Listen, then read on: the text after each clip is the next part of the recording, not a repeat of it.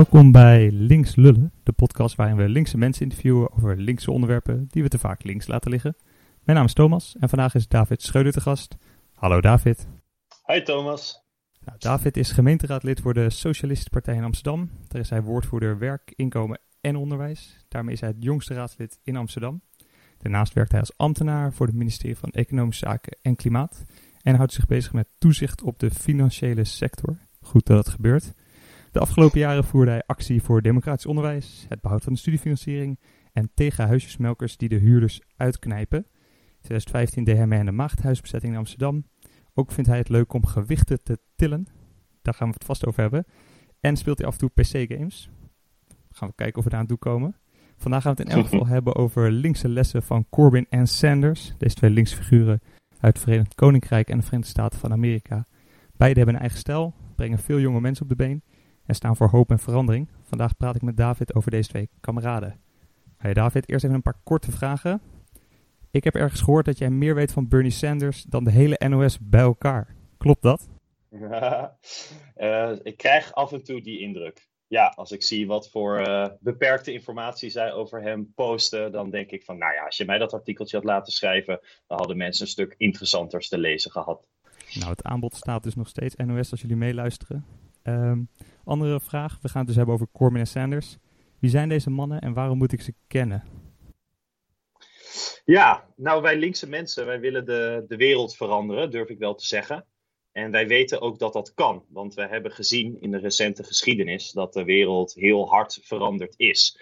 Als je kijkt naar de jaren tachtig, met de opkomst van het neoliberalisme, dat uh, vooruit gepropileerd werd door, uh, door Margaret Thatcher, die was premier van, van Groot-Brittannië, en Ronald Reagan, president van de Verenigde Staten. Zij hebben ervoor gezorgd dat heel veel liberale opvattingen nu mainstream zijn, bijvoorbeeld over de overheid, over belastingen, over rijkdom. Daarvoor was dat minder vanzelfsprekend. We hebben gezien wat voor invloed het heeft wanneer leiders op die manier samenwerken om hun ideeën de wereld in te krijgen. Uh, en uh, we leven nog steeds uh, in een wereld die heel ideologisch is, die vooral in die tijdsperiode, echt de jaren 80, 90 van de vorige eeuw, gevormd is. en dat kan dus ook ongedaan gemaakt worden. En om maar gelijk die vergelijking door te trekken, VS en Groot-Brittannië, van, van rechts terug naar links. Het afgelopen jaar had je Jeremy Corbyn en, en Bernie Sanders. Jeremy Corbyn in het Verenigd Koninkrijk en Bernie Sanders in de Verenigde Staten die uh, uh, niet een beetje links, maar echt uh, goed links zijn ook. En allebei kans maakten om leider van hun land te gaan worden. Dus dat was een, een spannend jaar, waarin we op het punt stonden. en ik af en toe dacht van, gaat er nou weer zo'n omwenteling komen? dat is uiteindelijk niet gebeurd. En ik denk dat het heel goed is om meer te weten over de ideeën van deze heren wat zij geprobeerd hebben te doen en om daar lessen uit te trekken. Nou, duidelijk. Dan gaan we dus de komende tijd uh, verder praten met elkaar over uh, die twee heren, hun ideeën. Um, ik wil het uh, gesprek een beetje in vier onderdelen hakken. Hun beweging, want bewegingbouw is natuurlijk erg belangrijk. de media en hoe zij daarmee omgaan en wat zij daarvoor nieuwe dingen in doen. De hoop en visie die zij bieden. En als laatste wat we in Nederland hiermee moeten gaan doen. Dus we beginnen met praten over de beweging van Sanders en Corbyn. David, wat is zo bijzonder daaraan? Nou, wat echt uh, uniek was aan uh, allebei de heren, was dat ze uh, behoorlijk oude types zijn. volgens mij is Bernie Sanders 78 of zo, en Corbyn is ook in de 70. In Nederland zijn de meeste politici dan al lang met pensioen. Maar dat zij ondanks hun leeftijd echt met name hele jonge mensen in hele grote getalen achter zich hebben weten te krijgen. Um, los van dat ze dat niet voldoende hebben weten te verzilveren, um, is uh, in de tijd dat Corbyn leider werd van zijn partij, is het ledenaantal van die partij verdubbeld. Labour is de grootste partij in, uh, in Europa geworden onder zijn leiderschap. Uh, en dat kwam vooral door de aanwas van, van jonge mensen. En Bernie die heeft echt record na record verbroken als het gaat om, om kleine donaties, als het gaat om campagnevrijwilligers. En ook zijn campagne bestond vooral uit heel erg jonge mensen. en dat is heel erg interessant, want zoals we weten heeft de jeugd de toekomst. en als we zien dat die generatie zo massaal open staat voor linkse, authentiek linkse ideeën, dan is dat ook heel erg veelbelovend voor de, voor de toekomst. En is de kans ook groot dat ergens komende decennia linkse bewegingen wereldwijd wel die verkiezingswinsten gaan verzilveren en wel die ideeën kunnen gaan, gaan uitvoeren. Nou, de eerste voorspelling is binnen. Uh, je zei al een paar keer die authentiek linkse ideeën. Kan je daar een voorbeeld van geven? Wat, wat zijn die authentiek linkse ideeën die Corbyn en Sanders uh, uitdragen? Ja, dat is een aantal, aantal eigenlijk hele simpele dingen waar mensen het ontzettend mee eens zijn. Dat is zoiets als zeggen: gezondheidszorg is een recht en we willen daar geen marktwerking in. Wij willen niet dat er bedrijven geld verdienen aan de medicijnen die wij nodig hebben. Want hè, om maar weer terug te komen op Thatcher en Reagan waarom zouden farmaceutische bedrijven veel beter zijn in medicijnontwikkeling dan de overheid? Waarom kan je dat soort dingen niet veel meer collectief aanpakken en gewoon de behoeften, directe, elementaire behoeften van je bevolking, gewoon organiseren als overheid? Dus bijvoorbeeld gezondheidszorg is zo'n punt. Iets anders dat is hoe hoe je kijkt naar belastingen. Uh, zowel Corbyn als Sanders die wijzen er altijd op dat de ongelijkheid enorm toeneemt. En daar hebben ze gelijk in. Ook in Nederland is dat het geval. Als je kijkt ook naar gemiddeld Nederlands huishouden, heeft de afgelopen 40 jaar, als je corrigeert voor, voor inflatie, uh, er eigenlijk geen cent bij gekregen. Terwijl het leven wel duurder is. En heel veel mensen weten wel dat dat zo is. Maar het schrijnende is, is dat we wel met z'n allen rijker zijn geworden. Dus de ongelijkheid groeit. Nou, Corbyn en Sanders die zeggen dat is gewoon onacceptabel. Want ongelijkheid is ontwrichtend. Dus tax the rich. Laten we nou eens belasting gaan heffen op miljardairs en miljonairs. Dat is ook zo'n voorbeeld waar het in Nederland eigenlijk nog bijna niet over gaat. Hè? Moeten we nou eens uh, die ongelijkheid verminderen door gewoon geld opnieuw te verdelen en te kijken wat hebben we in ons land en hoe kunnen we dat het beste best inzetten. Derde voorbeeld, dat is de echte aanpak van klimaatverandering. Uh, zowel Corbyn als Sanders die hameren erop dat dat het allergrootste probleem is waar de politiek nu mee te maken heeft. Ik denk dat heel veel politici van andere partijen en andere achtergronden daar vaak nog voor weglopen. Maar zij zeggen echt, dit is een existentiële bedreiging voor onze planeet en voor de toekomst van onze planeet. En als we daar nu niet hele grote radicale stappen in zetten, en dus ook gaan kijken naar bijvoorbeeld de fossiele industrie en hoe we daarmee omgaan. Uh, Corbyn die zegt, die moeten we gewoon nationaliseren. Dus we nemen de hele boel over en we transformeren het naar uh, een duurzame industrie die wel iets met energie doet, maar niet met fossiele, fossiele brandstoffen. En Bernie die zegt ook, wij gaan de macht van die, van, die, uh, van die industrie doorbreken. We gaan ervoor zorgen dat zij nooit meer schade kunnen toebrengen uh, aan, aan de aarde in de toekomst. En dat is natuurlijk ook waarom zoveel jonge mensen fan van hen zijn. Omdat zij met zulke voorstellen komen waarvan nou ja, eigenlijk alle andere politici al heel snel zullen zeggen van ja, dat is onhaalbaar, dat is niet te doen. Maar zij zeggen, er is geen andere oplossing. Dit is de enige redelijke oplossing. En uh, als wij een gezonde planeet willen hebben en een gezonde toekomst voor onze bevolking, dan moeten we dit wel doen. Uh, en ik denk dat dat, uh, dat een aantal voorstellen zijn die zij met elkaar gemeen hebben, die heel veel jonge mensen aanspreken. En ook authentiek zijn in de zin van het zijn dingen die mensen te weinig horen. ik denk dat politiek best wel één pot nat is geworden en dat heel veel partijen best wel liberaal zijn gaan denken de afgelopen tientallen jaren. En dat zoiets simpels als belasting verhogen op rijke mensen best wel verfrissend is. Om gewoon weer eens een keer lekker te horen uit iemands, uit iemands keel. En je ziet ook dat dat gewoon heel populair is. En we hebben het al een aantal keer gehad. Nou, dit, deze onderwerpen spreekt jonge mensen heel erg aan. Jong is dan tot 20, tot 30, tot 40. Waar hebben we het nou eigenlijk over? Ja, uh, dat is eigenlijk nog breder dan je misschien zou verwachten. In de Verenigde Staten is jong echt tot, uh, tot in de 40. Uh, mensen van. Mee? Ja, als je, als je bij de voorverkiezingen kijkt, dan is echt de, bij de resultaten, volgens mij, mensen tot 45 hebben echt in meerderheid voor Bernie Sanders gestemd. Dus het feit dat nu Joe Biden de presidentskandidaat is, dat heeft niet gelegen aan de mensen onder de 45. Dat komt met name door de mensen, daar zullen we het straks ook over hebben, uh, verwacht ik, die de traditionele media volgen, televisie kijken, thuis op de bank en daar hun informatie vandaan halen. En dat zijn vooral de mensen van, uh, van boven de 50. Ja, dus als je zegt uh, deze mensen spreken jonge mensen aan, dan bedoel je eigenlijk echt wel een forse groep mensen. Niet alleen maar tot de, de twintigers of de, de Gen Z'ers. Um, ja. Deze heren proberen natuurlijk ook een beweging te bouwen. Het is niet dat ze puur zeggen stem op mij en alles komt goed. Dat is op zich binnen linksbewegingen niet heel vreemd. Maar hoe combineren zij dit met hun politiek en hoe bouwen zij aan die beweging op lange termijn? Kan je daar wat over vertellen? Ja, um, zowel Bernie als Corbyn zijn, um, uh, zitten al heel lang in de politiek. Uh, al een jaar of eh, veertig zijn ze op een eigen manier bezig om uh, aan linkse ideeën te werken. Je ziet dat, dat Corbyn, die heeft dat vooral geprobeerd te doen binnen een traditionele partij. Hij zat, uh, zat bij Labour en hij komt ook zelf uit een district waar hij keer op keer herkozen kon worden, omdat er een sterke arbeidersgemeenschap is. en daarmee vormde hij jarenlang echt de linkerflank van, van Labour.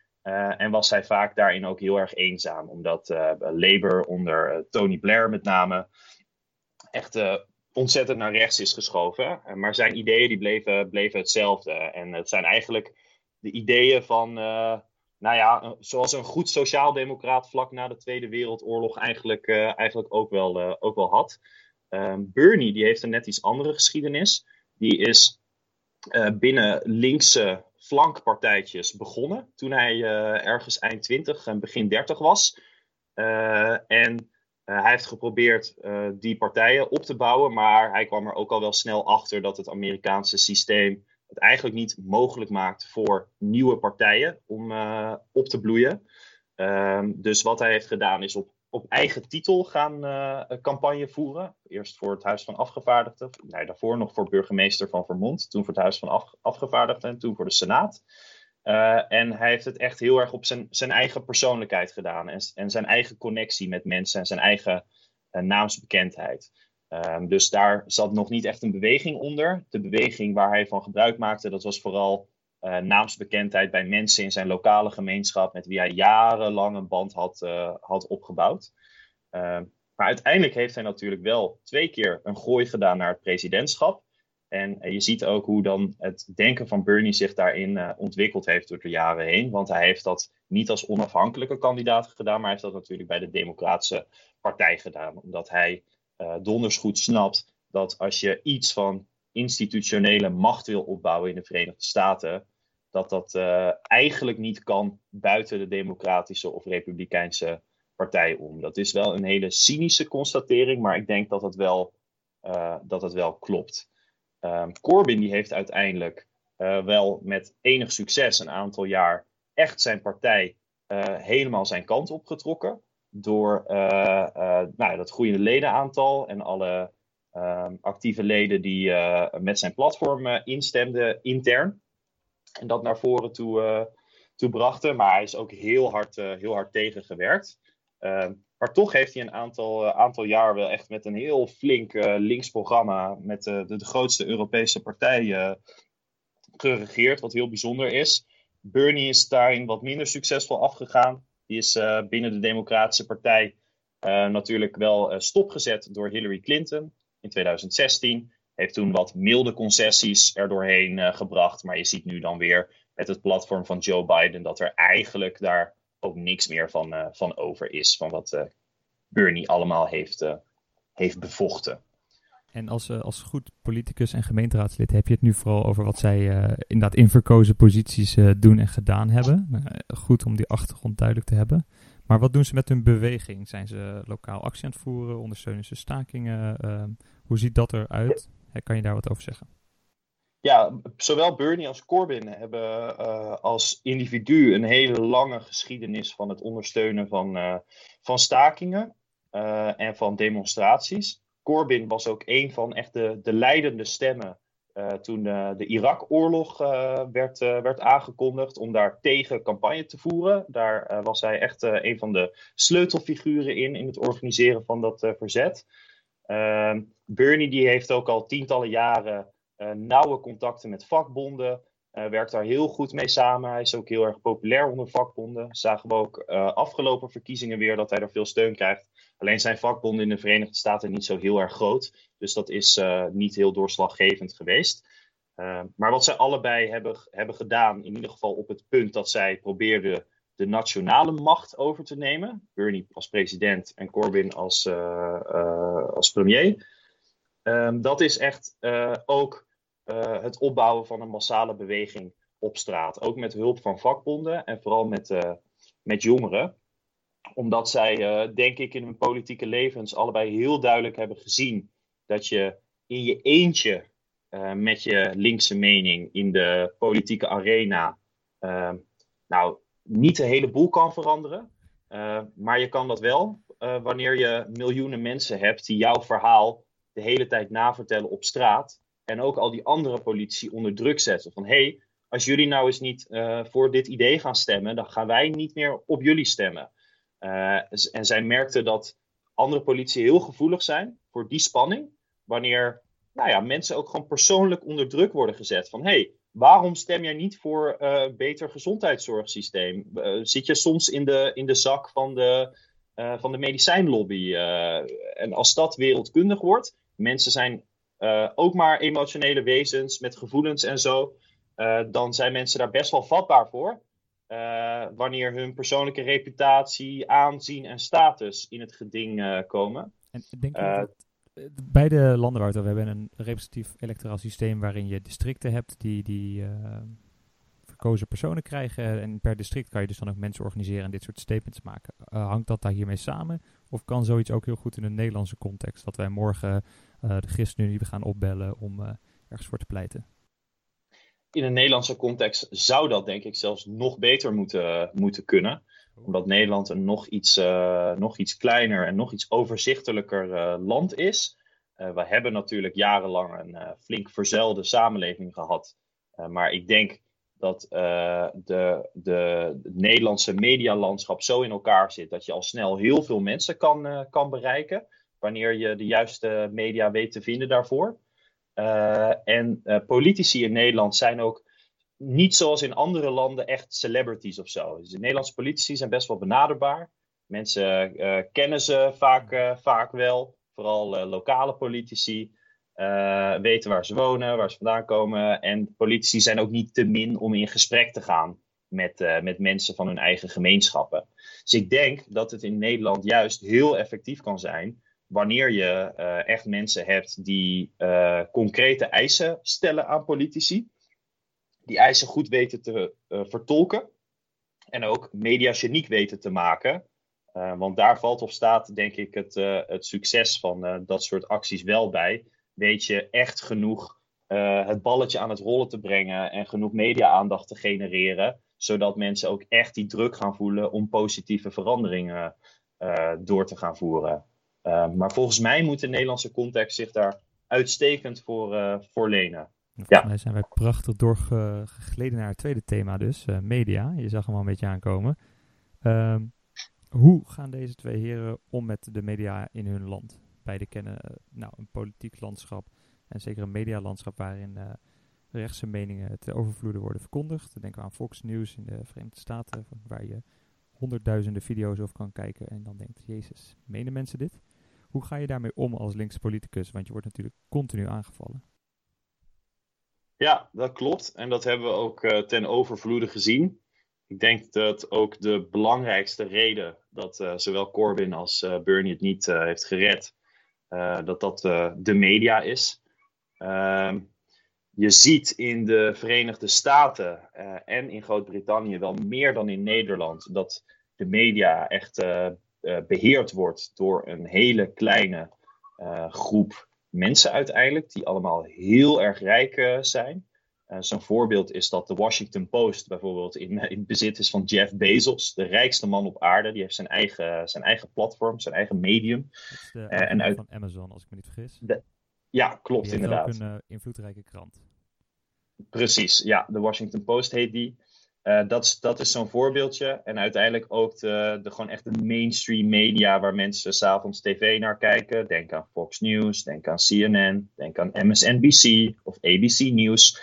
Dat zijn allemaal mediabedrijven uh, waar uiteindelijk ontzettend rijke mensen achter schuil gaan, die, dus ook hele sterke economische belangen hebben. En uh, hun invloed in die mediabedrijven die is vaak niet heel expliciet. Het is niet zo dat zij direct zeggen: dit moet je wel gaan vertellen en dit moet je niet gaan vertellen. Uh, en deze persoon die neem ik wel aan als journalist en deze persoon niet. Maar het heeft alles te maken met wat implicietere krachten, meer, meer culturele krachten in, uh, in, in, in dat soort uh, bedrijven. Uh, en dat kan je ook doorvertalen naar, naar Nederland. Ehm, mensen die geen controversiële meningen hebben, die komen gewoon verder in het publieke bestel. Als je een beetje in de Nederlandse context ook, als je een beetje een D66-mening hebt, dan ben ik ervan overtuigd dat als jij ambtenaar bent, dat jij echt een grotere kans maakt om hogerop te komen dan uh, iemand met uh, een SP-mening zoals, uh, zoals ik heb. en op die manier vindt er eigenlijk een soort reproductie van dezelfde ideeën plaats binnen dat soort mediabedrijven. Ehm, waardoor je dus ook maar één beperkt wereldbeeld hebt dat de hele tijd aan het licht komt. En één stem die heel duidelijk ondervertegenwoordigd is in allebei de landen, dat is echt de, de, linkse, de linkse stem. Um, in de Verenigde Staten uh, wordt altijd het onderscheid gemaakt tussen je hebt, uh, je hebt de liberals en je hebt de conservatives. En de liberals die worden dan gezien als links. Nou, Obama is dan ook een liberal Hillary Clinton is ook een liberal. Maar de afgelopen jaren is daar nog een term bijgekomen en dat is de, de progressives. Uh, en progressive media, progressieve media, die heb je nog niet op die grote schaal in, in de Verenigde Staten. Um, je hebt wel heel veel um, uh, ondernemers, avonturiers, pioniers zou ik ze willen noemen op, op YouTube. En mensen met podcasts die linkse media maken. Um, maar die is nog totaal niet opgewassen tegen de, de traditionele media. En dat hebben beide verkiezingen van zowel Corbyn als, als Sanders, denk ik, heel erg bewezen dat die traditionele televisiestations nog altijd heel erg machtig zijn. En heel bepalend zijn voor, voor mensen, voor, voor het gevoel wat ze uiteindelijk bij iemand hebben. Eén interessant dingetje nog hierover, dat is bijvoorbeeld uh, Bernie Sanders is de populairste politicus in de Verenigde Staten, maar hij heeft niet gewonnen. Zou je toch denken, dat is best wel raar, als iedereen hem zo fantastisch vindt. En als je kijkt naar hoe populair zijn ideeën zijn, maar dat heeft ermee te maken dat mensen uh, een soort goedkeuring moeten voelen om op iemand te mogen stemmen. Ehm, en uh, het grotere belang, zoals dat de hele tijd geframed is door de traditionele media, is: we moeten Trump wegkrijgen. En pas daarna laten we het dan eens over onze eigen ideeën gaan hebben. En dat grotere belang, dat is keer op keer op keer in mensen hun gezicht geduwd. Met de boodschap daarbij: uh, Bernie Sanders maakt geen kans tegen Trump. Uh, Joe Biden doet dat wel. Uh, en daarom vonden mensen hem misschien wel een leukere kandidaat, die beter hun eigen ideeën vertolkte. Maar ze voelden niet de, alsof ze toestemming hadden gekregen van hun media overlords om uh, op hem te mogen stemmen. En hetzelfde geldt voor Corbyn, die nog wel in extremere mate is gedemoniseerd door de Britse media en constant is afgeschilderd als een grote antisemiet.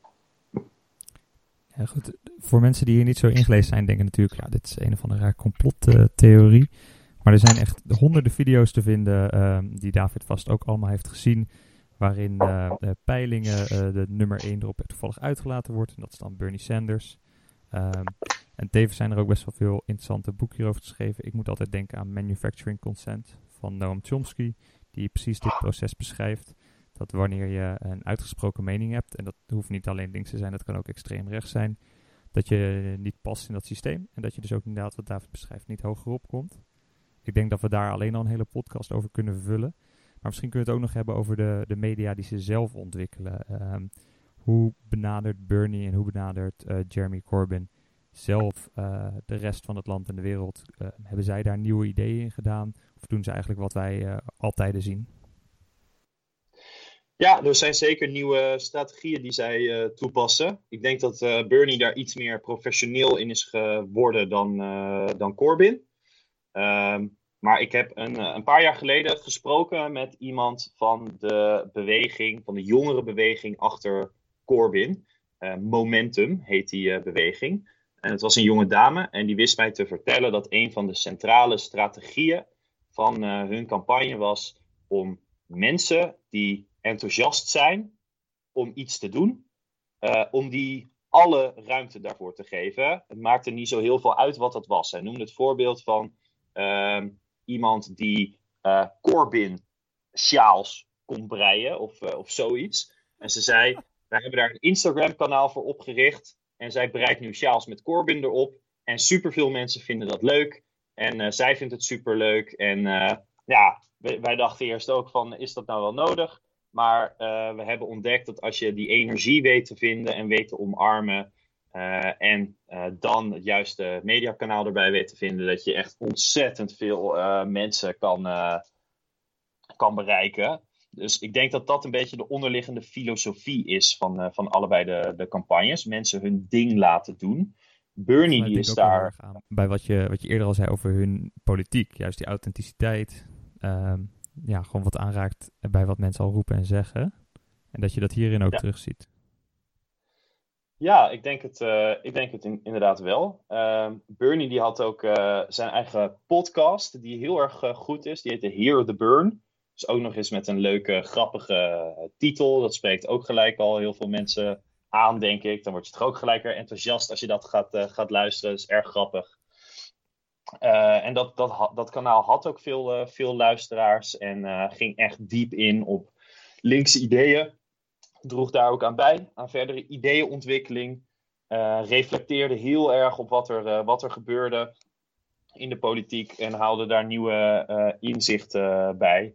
Ehm, maar je ziet dat vooral om die campagnes heen er steeds meer dingen uh, opkomen. Uh, steeds meer YouTubers uh, met name die, die echt groot, groot zijn.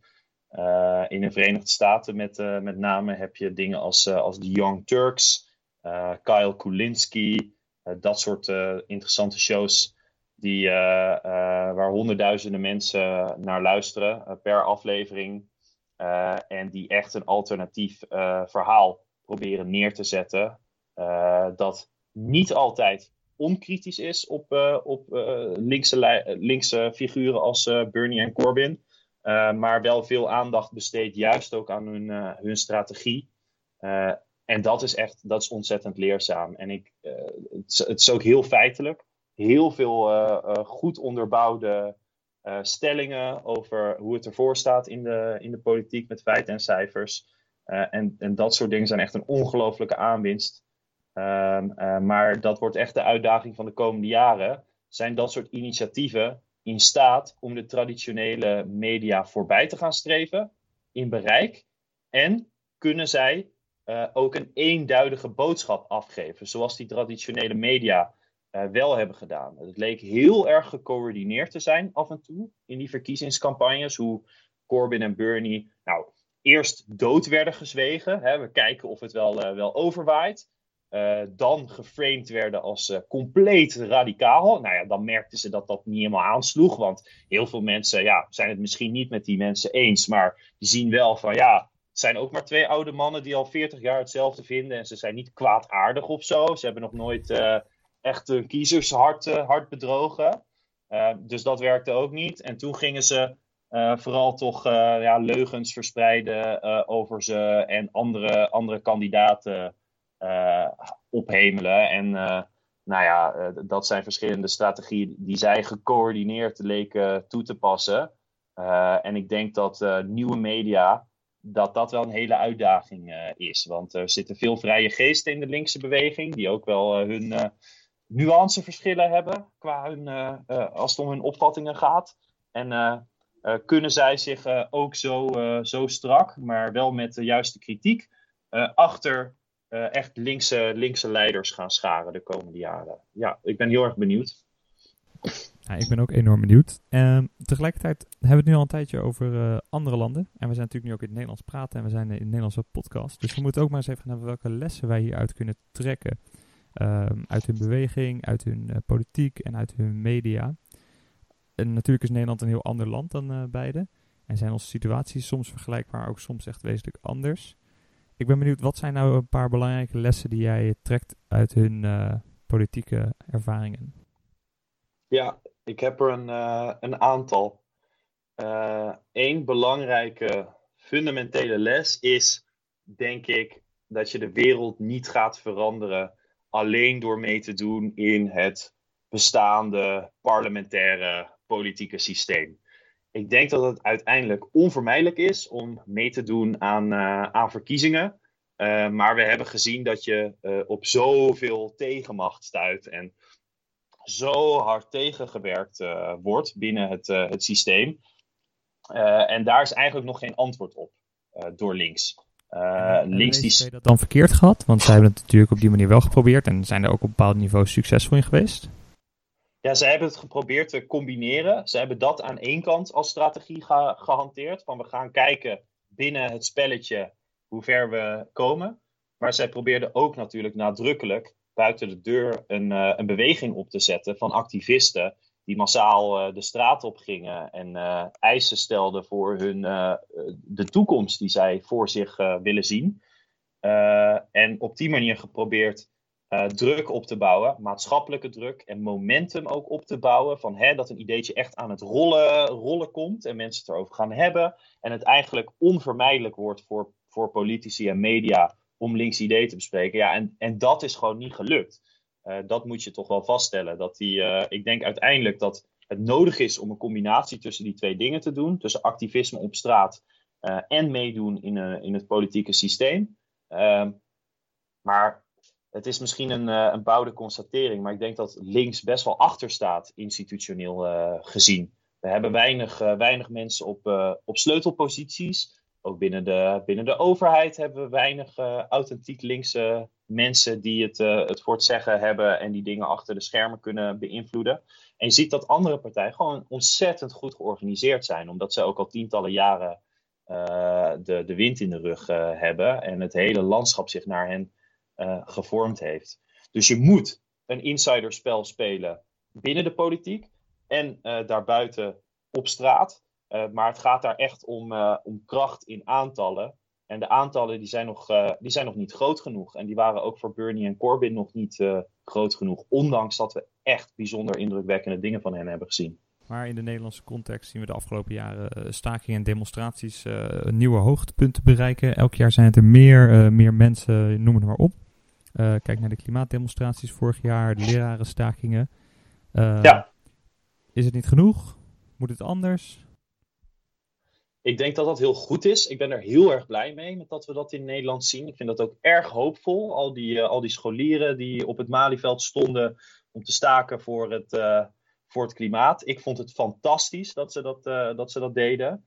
Ehm, ik denk alleen dat je ook in Nederland nog te weinig eenduidig leiderschap hebt op links. Dat als je aan al die scholieren dan zou gaan vragen van hè, welke partij moet dit nou uh, gaan doen, nou, dan zouden er vijf een, een ander antwoord geven. En op zich is dat niet erg als al die linkse partijen ook heel erg goed zouden samenwerken in Nederland en heel duidelijk met elkaar doelen zouden afspreken over wat er sowieso moet gebeuren na de, na de verkiezingen. Of wat je sowieso met elkaar niet gaat doen. Bijvoorbeeld regeren met de, met de VVD, om maar wat te noemen.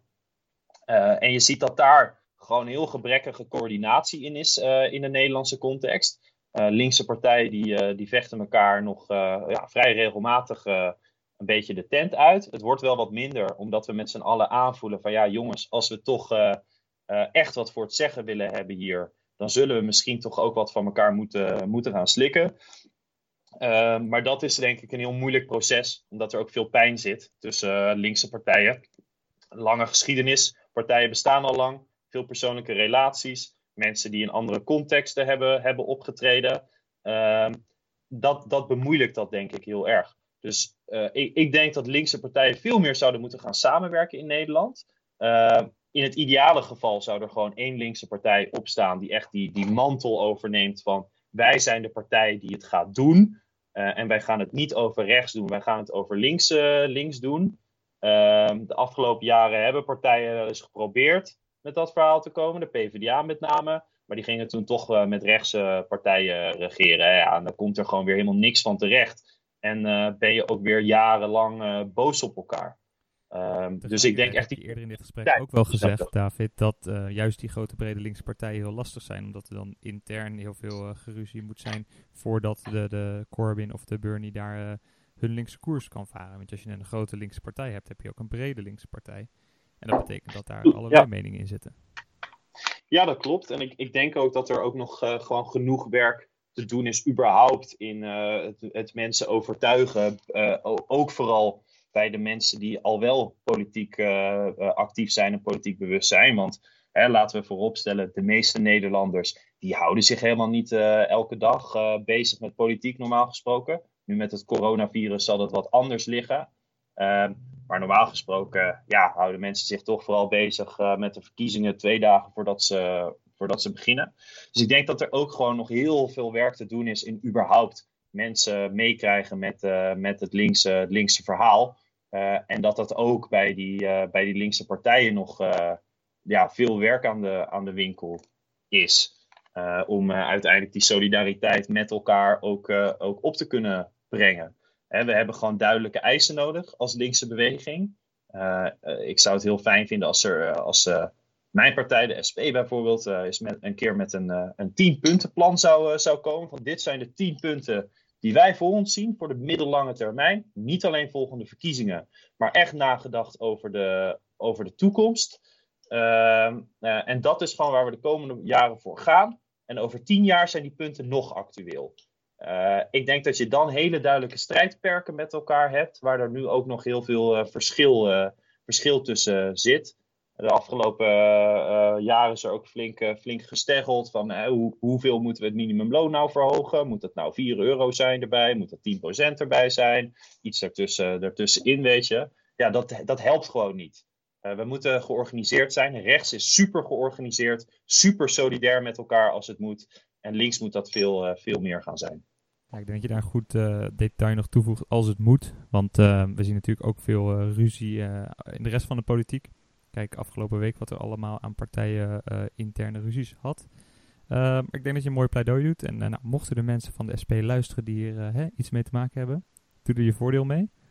Ehm, nou, we hebben het er al gehad over wat voor beweging hier is. En je zei al van ja, er zou een brede partij kunnen zijn. Maar ik denk ook heel erg, je kan ook een duidelijk verhaal hebben. Zo'n 10 puntenplan. En dat hoeft niet bij een partij te horen. Dat kan heel breed zijn. Dat hoeft niet eens vanuit partijen te komen.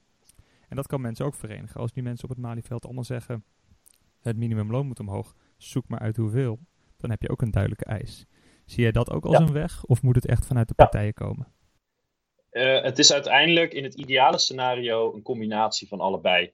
Kijk, het liefst zie, uh, zie, ik heel veel maatschappelijk initiatief dat vooral door maatschappelijke organisaties wordt aangejaagd. Dat daar eisen uit voortkomen en dat politieke partijen gedwongen worden die eisen over te nemen. Volgens mij is dat echt een heel goed functionerende democratie wanneer je het op die manier, op die manier doet. Want nu is het ook weer zo dat politieke partijen hun standpunten uh, die worden geformuleerd door de leden. En minder dan 2% van de Nederlanders is lid van een politieke partij. En een nog kleiner deel is actief voor een politieke partij. Dus volgens mij is dat, is dat ook een hele goede weg om het op die manier, op die manier te doen. Maar daarvoor zal ook nog de, zullen de vakbonden, bijvoorbeeld de FNV, ook flink aan de bak moeten om zoveel mensen op de been te gaan krijgen. Want zij hebben helaas ook te maken met een teruglopend en enigszins vergrijsd leden, ledenbestand. en ehm, ik denk dat er, deze crisis is misschien een moment als, als die straks ehm, als, als de situatie weer enigszins normaliseert, waarop mensen doorkrijgen van nu moeten er echt hele belangrijke politieke keuzes worden, worden gemaakt. Waar gaan we de rekening van deze uh, coronacrisis neerleggen? Dat zou een moment kunnen zijn, denk ik wel, waarop mensen beseffen: nu is het wel echt het moment om me uit te spreken als ik, uh, als ik ergens wat van vind. En ik hoop dat vakbonden daar gebruik van maken, eisen formuleren en met maatschappelijk initiatief komen. En dat dan uh, partijen zoals mijn partij, de SP, daar heel goed naar, naar luisteren. En uh, um, uh, dan ook met de wind van die, van die maatschappelijke bewegingen in de rug, die eisen door gaan voeren. Uh, en andere partijen ook meekrijgen om die door te gaan voeren. Volgens mij is dat echt is dat ook wel realistisch voor hoe het er in de toekomst uit zou kunnen gaan zien. met een prachtige toekomstvisie van David zijn we ook zo naar een einde toegerold. We zijn alweer uh, enige tijd links aan het lullen, dus dan moet ik naar een afsluiting toe. Ik wil David heel erg bedanken voor zijn tijd en zijn inzichten. Ondanks deze zonnige dag hebben we goed met elkaar gesproken. David, dankjewel. Ja, leuk om hier te zijn, Thomas. Dankjewel voor de uitnodiging. Ja, tuurlijk. Allemaal bedankt voor het luisteren ook. Dit was Links Lullen. Jij hebt geluisterd, wij hebben geluld. Like, subscribe en meer van dat is onzin. Tot de volgende keer. Houdoe en bedankt.